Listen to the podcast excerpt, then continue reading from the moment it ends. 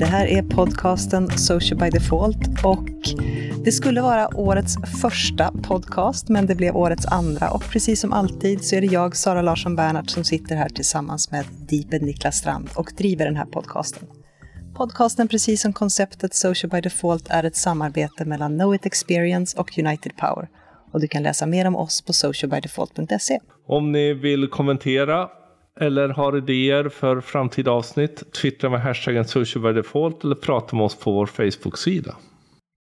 Hej Sara! Hej Niklas! Det är ju den femte januari idag mm. och vi har båda varit tillbaka en vecka från semester. Precis, det varit en kort semester. Ja, det var, det var ingen bra, inget bra år. Nej. Eller det var ingen bra jul i år. Nej, men och det känns liksom som det också blev väldigt obalans. För jag har ju jobbat en vecka, men mm. jag har ju gått till kontoret och insett vid lunch att det här kommer inte någon mer komma, så jag, jag har gått hem. För vi har ju faktiskt haft att göra sen dag ett. Mm. Vi har eh, klarat av två deadlines. Mm. Så nästa vecka mm. ska vi ju presentera två stora jobb som mm. förhoppningsvis går igenom. En pitch på en grej där du mm. började gråta igår för att vi hade gjort en sån fin film. Ja, ja.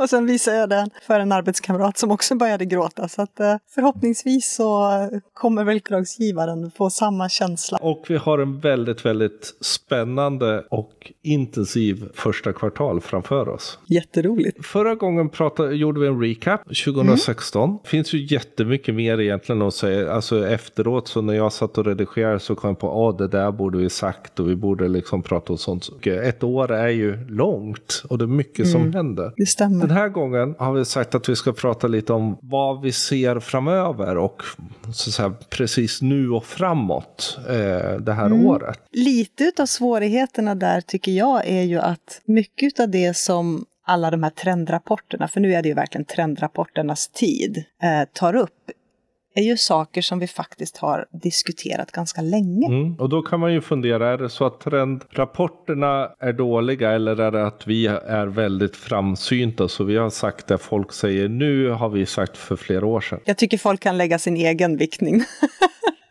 Nej, men saken är väl den att trendrapporterna kanske är lite för optimistiska i vissa fall. Alltså man tror att utvecklingen ska gå något snabbare än vad den gör. Så att själva den tekniska utvecklingen och möjligheterna finns ju när trendrapporterna kommer, men det tar ju alltid lite längre tid för företag och organisationer att faktiskt anpassa sig till det. Mm. Jag tror att det kan, det kan vara en sån anledning till att det känns som att vi nästan säger samma sak år efter år. Precis, och där är nog säkert ditt och mitt problem också. Att vi tänker liksom Liksom, det här är nytt, det här är hett. Men liksom att internalisera och operationalisera det här tar mycket längre tid än vi kanske ibland tänker som evangelister som vi är. Extremt lite som vi egentligen känner, ja just det, ja men det där känns ju nytt. Utan det är liksom samma saker. Det har väl säkert med också att det blir mer komplext och mer fingranulerat utveckling. Det är inte längre så här, oh, nu ska vi alla köra Snapchat eller nu ska vi göra, utan... Nej.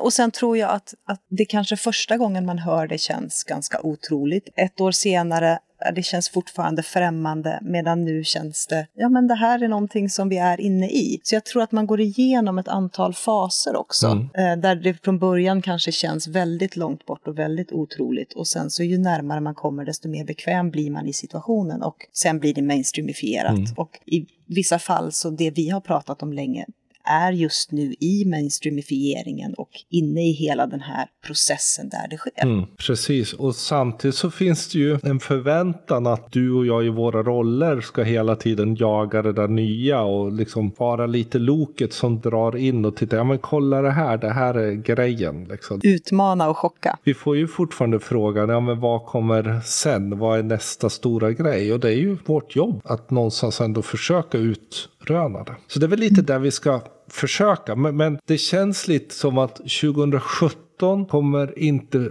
det vi kan se i alla fall kommer inte vara några stora revolutioner. Nej. Som liksom disrupterar sociala medier som kanske Snapchat gjorde faktiskt två år sedan. Utan det är mer så taktik och strategiska delar mm. i befintliga plattformar som utvecklas, som förändras och sådana saker. Och hjälpmedel som, som tillkommer. Alltså de här plattformarna, och det har vi ju pratat om ganska mycket, de förändras ju hela tiden och förbättrar för dels oss användare men också oss som arbetar i dem professionellt. Mm. Och det är väl det som i så fall kommer ske nu under kanske 2017.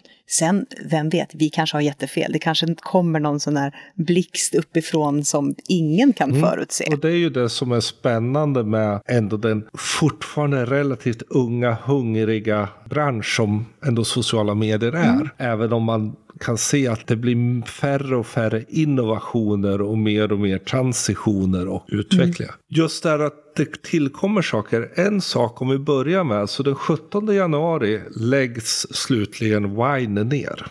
Lite konstigt men ändå inte. Jag vet inte. Alltså det här har ju hänt med jämna mellanrum att plattformar har lagts ner. Men Twitter satsar ganska mycket på Wide när de köpte mm. och den har funnits och ändå haft en försvarlig mängd användare. Ja, för det har ju varit ett antal ganska riktigt stora vinare, alltså motsvarigheten till YouTubers som har byggt upp stora eh, följarskaror och någonstans ridit på den här plattformen. Frågan är vad, vad, vad gör de nu? När det gäller då influencers som då mot slutet ändå var liksom wine-stjärnorna. De förflyttar sig ju bara egentligen och mm. förändrar sin plattform och utnyttjar andra plattformar. För det är ändå sex sekunder är ju, är ju ganska svårt och det man kan se som är lite i närheten av Vine det är ju egentligen hur Boomerang har tagit över ganska mycket av bilderna, eh, åtminstone i mina Instagramflöden. Instagram Stories eller Snapchat har ju en möjlighet att ändå ta där Wine var eftersom du har liksom den här avkortade delen. Du måste hela tiden tänka i 10 mm. sekunders sjok. Brittany Furlan var en typisk Wine-stjärna, gjorde massa sketcher på Wine, flyttat över till Instagram, Instagram Stories, delvis Snapchat och ganska stor där. Mm. King Bash som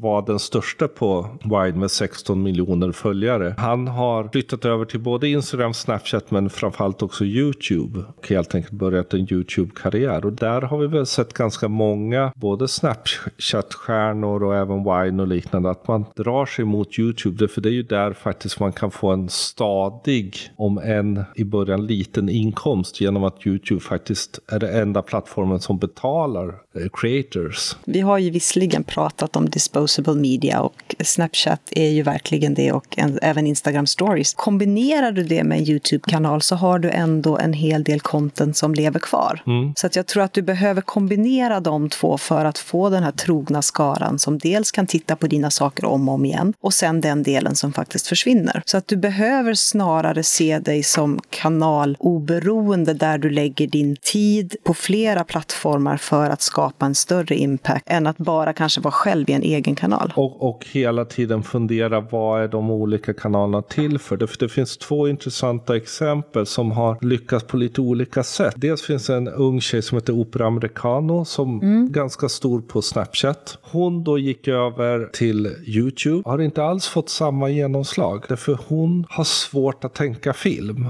uppenbarligen. Medan å andra sidan Chondura, Dura, han började på Snapchat, duktig att rita, men han kunde flytta över till YouTube. Man också får se att även om det är rörlig bild så har vi olika sätt att göra rörliga bild på YouTube och på Snapchat. Helt enkelt, den 17 januari lägger Vine ner och så får vi se om det kommer något liknande eller vad som händer. Någonting annat som faktiskt också har skett eller är precis i ett skede, det är ju att Isabella Lövengrip faktiskt skrotar Blondinbella. Det är jättestort för oss som ju har varit med hela vägen. Samtidigt så känns det som en ganska naturlig grej för henne att göra det, för att hon är så otroligt mycket mer än Blondinbella. Ja, självklart. Blondinbella var ju början på hennes karriär och hon har ju byggt upp det och den karriären fantastiskt bra. Men idag är hon ju så mycket mer med alla sina varumärken, alla sina företag, den entreprenör hon är, den influencer hon mm. är, att det är dags för henne att vända blad och gå vidare. Precis, och det här tror jag vi kommer se framför allt bland influencers väldigt mycket mer. Att även om man så att säga har blivit känd eller är under någonting, att man driver mot att vara sig själv mycket mer. Och det handlar ju mycket om trovärdighet också. Hela hennes bygge bygger ju dels på att vara på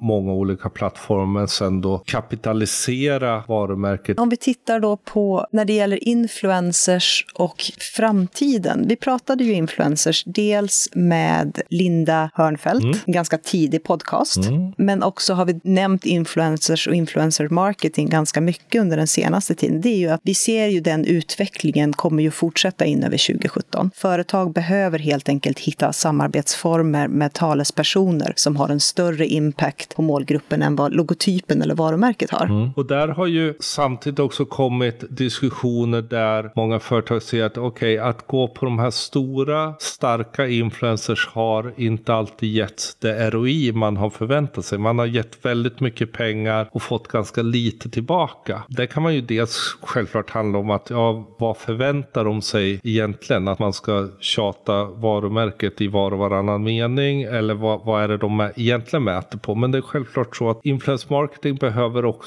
fingranuleras. Det man kan förutspå när det gäller just influencer marketing och det företag behöver göra sin research och lära sig är att man behöver hitta de influencers som är ett eller två hack under de riktigt stora. För då kommer man också få en mycket bättre ROI på det samarbete och de insatser som man gör. Och framför allt att hitta de här som skapar mer engagemang än räckvidd. Mm. Väldigt mycket handlar ju om att återigen förändra synen på räckvidd kontra engagemang. Rätt målgrupp kontra stor målgrupp. Och tittar man då på vad liksom the sweet spot ligger när du har högst engagemang när det gäller följarantal så handlar det helt enkelt om mikroinfluencers som ligger någonstans mellan 10 000 följare till 100 000 följare. Mm. Där har du högst engagemang på varje enskild aktivitet när det gäller att lägga upp en bild på Instagram eller skriva en bloggpost. Eller. Så fort du kommer över 100 000 följare så börjar faktiskt engagemangsgraden dala. Mm. Och det här gör ju att man behöver försöka då identifiera identifiera de influencers som ligger i det här mikrospannet för att kanske anlita ett par stycken istället för en stor. Framförallt så får man ju också se att ja, men det kan, finns ju självklart en fara för påverkanströtthet eller köpt påverkanströtthet mm. hos de stora. De här mindre är dels hungriga att bli större. De vill liksom bli mm. större och samtidigt så har inte lika många samarbeten. Man kan göra kanske längre samarbeten på så sätt. Och sen får man hitta de nischade influenserna. Mm. Där behöver man ju också hitta liksom, vilken av de här influenserna har faktiskt just den målgrupp som vi vill prata med, som har samma intresse. En annan viktig grupp som också är starka influencers eller ambassadörer, det är när man tittar till företag och de som är anställda. Hur kan man nyttja dem? Och det gäller både vid lanseringar av produkter, men framför allt kanske när det gäller rekrytering. Och där blir det ju en nödvändighet för HR att faktiskt inte bara anamma sociala kanaler kanaler som möjliga distributionskanaler utav platsannonser utan identifiera de ambassadörer på företaget som man kan använda sig av vid ett rekryteringstillfälle och faktiskt prata igenom eftersom vi tenderar att se att de har en mycket större genomslagskraft. Det är ju viktiga microinfluencers. Vi behöver se mycket mer medvetet arbete från företag att jobba med. Så här gäller det ju att HR verkligen anammar det här och ser vilka möjligheter det finns att jobba med influencers influencers ambassadörer på den egna arbetsplatsen. En intressant del att jobba med både ambassadörer och mikroinfluencer det är ju faktiskt att jobba med dem som en, i rätt fas på kundresan. Personifieringen för att hela tiden vara relevant och då blir det ju också i kundresans ja. olika faser. Precis, och där behöver man ju vara right time marketing snarare än real time marketing. Därför det är ju liksom personifieringen är ju när du är mest mottaglig, inte vilken tid utan i vilket läge, när du skriver vad, när du är är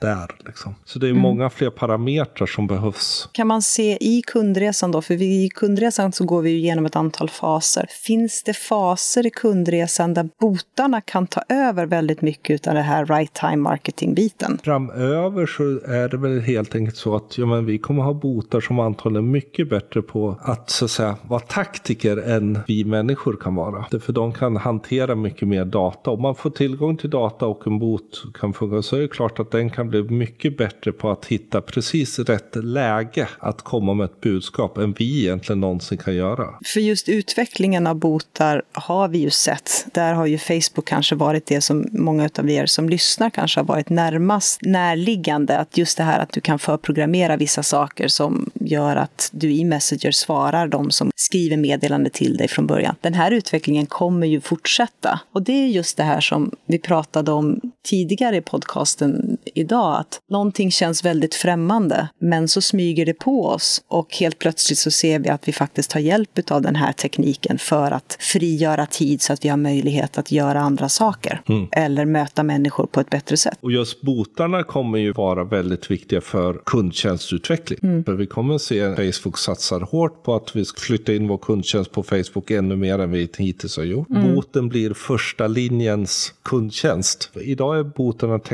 textbaserade men vi kommer se mycket där man plockar in också det talbaserade boten där vi har i telefon och liknande och i alla Amazon Echo och Google Home. Det kommer ju också finnas i Facebook självklart. Precis som att vi har Siri i dator, telefon, överallt så kommer vi ha något sånt i Facebook också. Om ett år eller ett och ett halvt, två år så kommer det här vara en självklarhet. När det gäller just ads och liknande så kommer ju kreativiteten tillbaka. Så förut har det varit mycket datadrivet och det, därmed har adsen blivit väldigt, kanske inte så roliga, wowiga, men Nej. det har inte fungerat. Vi vill också ha upplevelsen. Så det ser vi en väldigt stark trend. Och det hänger ju då ihop med storytelling. Som fortfarande kommer att bli viktigare och viktigare. Ja, allt vi gör måste bygga på att tänka att vi berättar en story. Om vi för förra och förra året har pratat jättemycket content marketing så måste vi någonstans säga att ja, men content marketing är inget annat än ett verktyg i sociala medier. Ett viktigt verktyg, det viktigaste verktyget, en del av sociala medier marknadsföring. Och storytellingen gör ju att du adderar väldigt mycket mer humanism, väldigt mycket mer känsla, väldigt mycket mer emotioner in i din berättelse som gör att du i första läget faktiskt behöver göra det för att bryta igenom det jättebrus som finns. Och återigen så handlar det ju om var någonstans i kundresan ska du använda dig utav mer storytelling och var någonstans i kundresan kan du använda dig utav mer faktabaserad, kanske det som folk tänker content marketing. Så att alla faser har ju sina olika delar. Mm. Och framförallt så handlar det om att vi behöver hitta duktiga berättare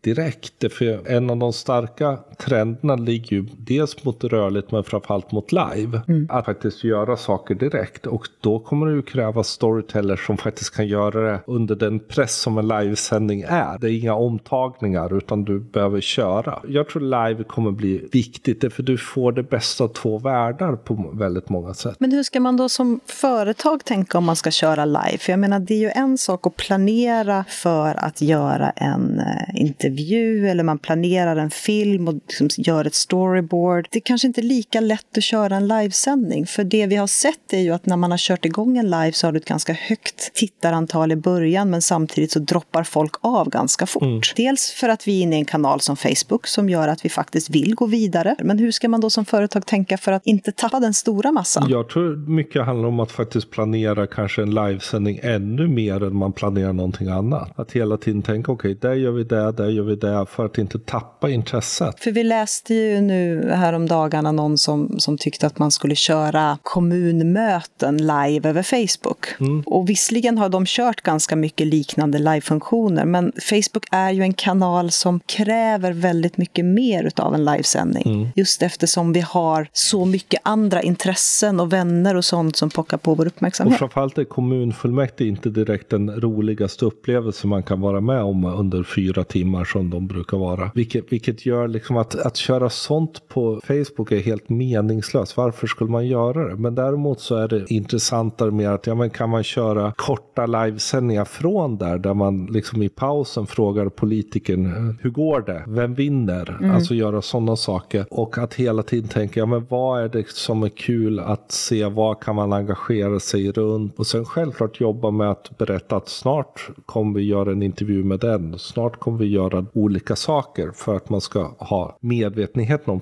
att det sker. Sen tror jag en, en sak man behöver tänka på väldigt mycket när man gör en live och framförallt när man gör en live på Facebook är ju just att vi är den lilla, lilla skärmen vi har att förhålla mm. oss till. Du sitter inte på din Apple TV och streamar en live. Du sitter inte på din desktop och streamar en live, utan du ser det i din mm. iPhone eller din Android. Mobilen är det viktiga och det, generellt så kan vi ju säga att mobilen är den viktigaste plattformen i marknadsföring framöver och framförallt i sociala medier så, så är det, Facebook har en daglig användning av mobilappen med över en miljard. 70 procent av Twitter-användarna använder mobilappen. Det, det, är liksom, det finns inget socialt medie som är större på desktop. Annan del av storytelling är självklart VR. Jag tror inte VR kommer slå. Riktigt än. Det är fortfarande lite dyrt och lite för mycket spel och så. Men däremot fattigmans VR, 360 graders filmer tror jag vi kommer se mycket mer av. Mm. Nu blev ju VR-glasögonen årets julklapp. Jag vet några stycken som faktiskt faktiskt hade köpt. Jag har, inte, jag har fortfarande inte fått testa själv och det grämer mig något så enormt. Och där, ju, där finns ju live i 360 grader. Facebook har sagt att de kommer, YouTube har släppt sin funktion, Twitter kommer också se till att Periscope har 360 grader och en live-funktion. Så då blir det plötsligt ännu mer det här liksom sätta ner någonstans och köra. Mm. En viktig sak som vi har pratat om under året och som kommer bli ännu viktigare är ju självklart att som företag tittar på intresse-communities. Helt enkelt, jag menar om vi förut har pratat om det sociala som utifrån vår demografi eller vår, vår sociala kopplingar så är det självklart intressen en viktig del av det sociala. Där ser vi nu olika appar som dyker upp. Jag menar dels så olika intresse-communities som skapar appar, Fishbrain och Untapped och sådana saker. Sen finns det något som heter Amino App som då där du själv kan skapa så att säga, en del i appen med ditt intresse-community. Så att du liksom går in där att det är ungefär som ett Reddit fast för då om du spelar Minecraft eller om du spelar Zelda eller om du gillar att laga squash till middag liksom. För nischade nätverk pratade ju du och jag om en hel del i höstas när vi var ute och föreläste och framförallt med företag som just det här att man behöver titta utöver de traditionella sociala kanalerna faktiskt hitta de här nischade nätverken och fundera på kan vi skapa närvaro där, kan vi hitta influencers där som vi kan arbeta tillsammans med just eftersom man då vet att det här är en intressegrupp som definitivt är intresserad av våra produkter. Mm. Och det är ju någonting som vi behöver titta ännu närmare på under 2017. Mm. Och där hänger ju också ihop lite att det finns ganska många företag som vi möter som säger att vi kanske borde göra en app. Antingen om det är en funktionsapp eller om det är en mer så att säga, ställa frågor och sådana saker. Men det vi ser är ju någonstans, visst man kan göra en app men då måste man koppla den väldigt, väldigt nära till sin Facebook-sida. Se till att mm. Facebook-sidan är integrerad i appen och att appen integreras ganska mycket med Facebook. Minskar lite grann. Eller göra den smartare, för det är självklart viktigt att har man vissa funktioner man behöver så kommer man behöva någonting någonting eget och en app är en bra sak. Men se till att den integreras. Och hela tiden jobba med push-notifikationer för saker om man vill kommunicera i appen som man vill att användaren faktiskt ska ta del av. Mm. För man går väldigt sällan in till en app som man inte använder vardagligen för att se, finns det något nytt? Mm. Men om vi då ska ge lite råd. För det här det känns ju som att det finns inte så mycket nya saker som kommer, men väldigt mycket saker som hela tiden utvecklas och som vi måste ha med oss när vi arbetar och tänker på hur vi ska lägga upp vår vardag. Ett par råd inför 2017 till de som sitter och lyssnar. Vad vill vi ge dem? Vad vill vi lämna efter oss? En av de delar och råden vi kan ge är ju helt enkelt att börja titta på sociala medier, inte som en speciell enskild unik del av marknadskommunikation, utan som en kan kanske den viktigaste delen, eller det säger du och jag självklart att det är den viktigaste mm. delen, men en oerhört viktig del att ha i hela sin kommunikation. Om vi har pratat om kanalstrategier lite sådär, vi har gjort det, men, men, det har varit lite bassigt och lite så meta, så är det nu det här året som det kommer bli oerhört viktigt att vi börjar integrera strategierna vi gör kommunikativt att det är socialt integrerat. Det är slut på silotänket och det är slut på att sitta på olika ställen i företaget. Att marknad sitter på ett och sociala medieavdelningen sitter någon annanstans och sen har du sälj som sitter på någon tredje stans. Utan allting behöver integreras och synkroniseras och skapa synergier emellan för att få kommunikationen kopplad till försäljningen men också få det så sömlöst som möjligt och så relevant som möjligt hålla kvar vid den sociala delen. Att man inte tappar den. För jag tror att i det här stressade samhället, vi, försöker, vi ska liksom putta ut så mycket information som möjligt, vi ska göra det på väldigt många plattformar, vi ska planera och strukturera vårt innehåll, så tenderar vi att tappa bort kommunikationen. Och för att skapa rätt relationer som håller över längden så måste vi också inse att den sociala aspekten i sociala medier, alltså samtalet, är ännu viktigare idag för att hålla kvar kunder och följare med rätt incitament. Och det är ju ganska många delar av det vi har tagit upp handlar ju fortfarande om konversationen som en drivande punkt. Där tekniken mm. bara är någonting som hjälper till. Så några råd inför 2017 är att fortsätta vara nyfiken, omfamna de förändringar som sker och våga testa. Det är bättre att ni vågar testa och failar än att ni inte vågar testa alls. För det vi också har sett nu genom åren och vi kommer se det än mer under 2017, det är att gapet mellan de som har följt med hela tiden och de som trevar sig in nu eftersom de inser att det går inte att stå utanför, har blivit så otroligt stort. Att ni som har varit med hela vägen är otroligt duktiga på att hela tiden omfamna de förändringar som sker. Medan de, som, de branscher som kanske har varit lite tveksamma inför det här nu ligger väldigt, väldigt långt efter. Och jag tror en viktig del är också självklart inspireras av andra, titta på andra och sådana saker. Men det vi har sett kanske de senaste åren är ju att för mycket best practice och för mycket case innebär att alla gör samma sak. Och då blir det inte något roligt, då blir det inte något bra. Utan man börjar hitta sin egen grej. Hur fungerar vi i sociala medier? Hur kan vi jobba med det så att det stämmer överens med vårt varumärke, med vår perso personlighet och fungerar med våra målgrupper? Och det var det vi hade för idag. Och vi lägger in ett antal länkar i våra show notes och de hittar ni som vanligt på podcast.socialbydefault.se. Och glöm inte att prenumerera på vår podcast. Vi finns på iTunes, på Acast, på Stitcher och på Soundcloud. Så det är bara att välja vad man vill lyssna på oss. Vi gillar ni den så självklart ge oss hjärtan, betyg, dela den vidare. Vi älskar att få fler lyssnare. Och som vi tidigare sagt, tyck till med hashtaggen socialbydefault. Och vill ni nå oss på Twitter och Instagram så heter jag Sanna C. LB precis överallt. Och jag heter Deeped precis överallt. Tack för oss. Hej då. Hej då.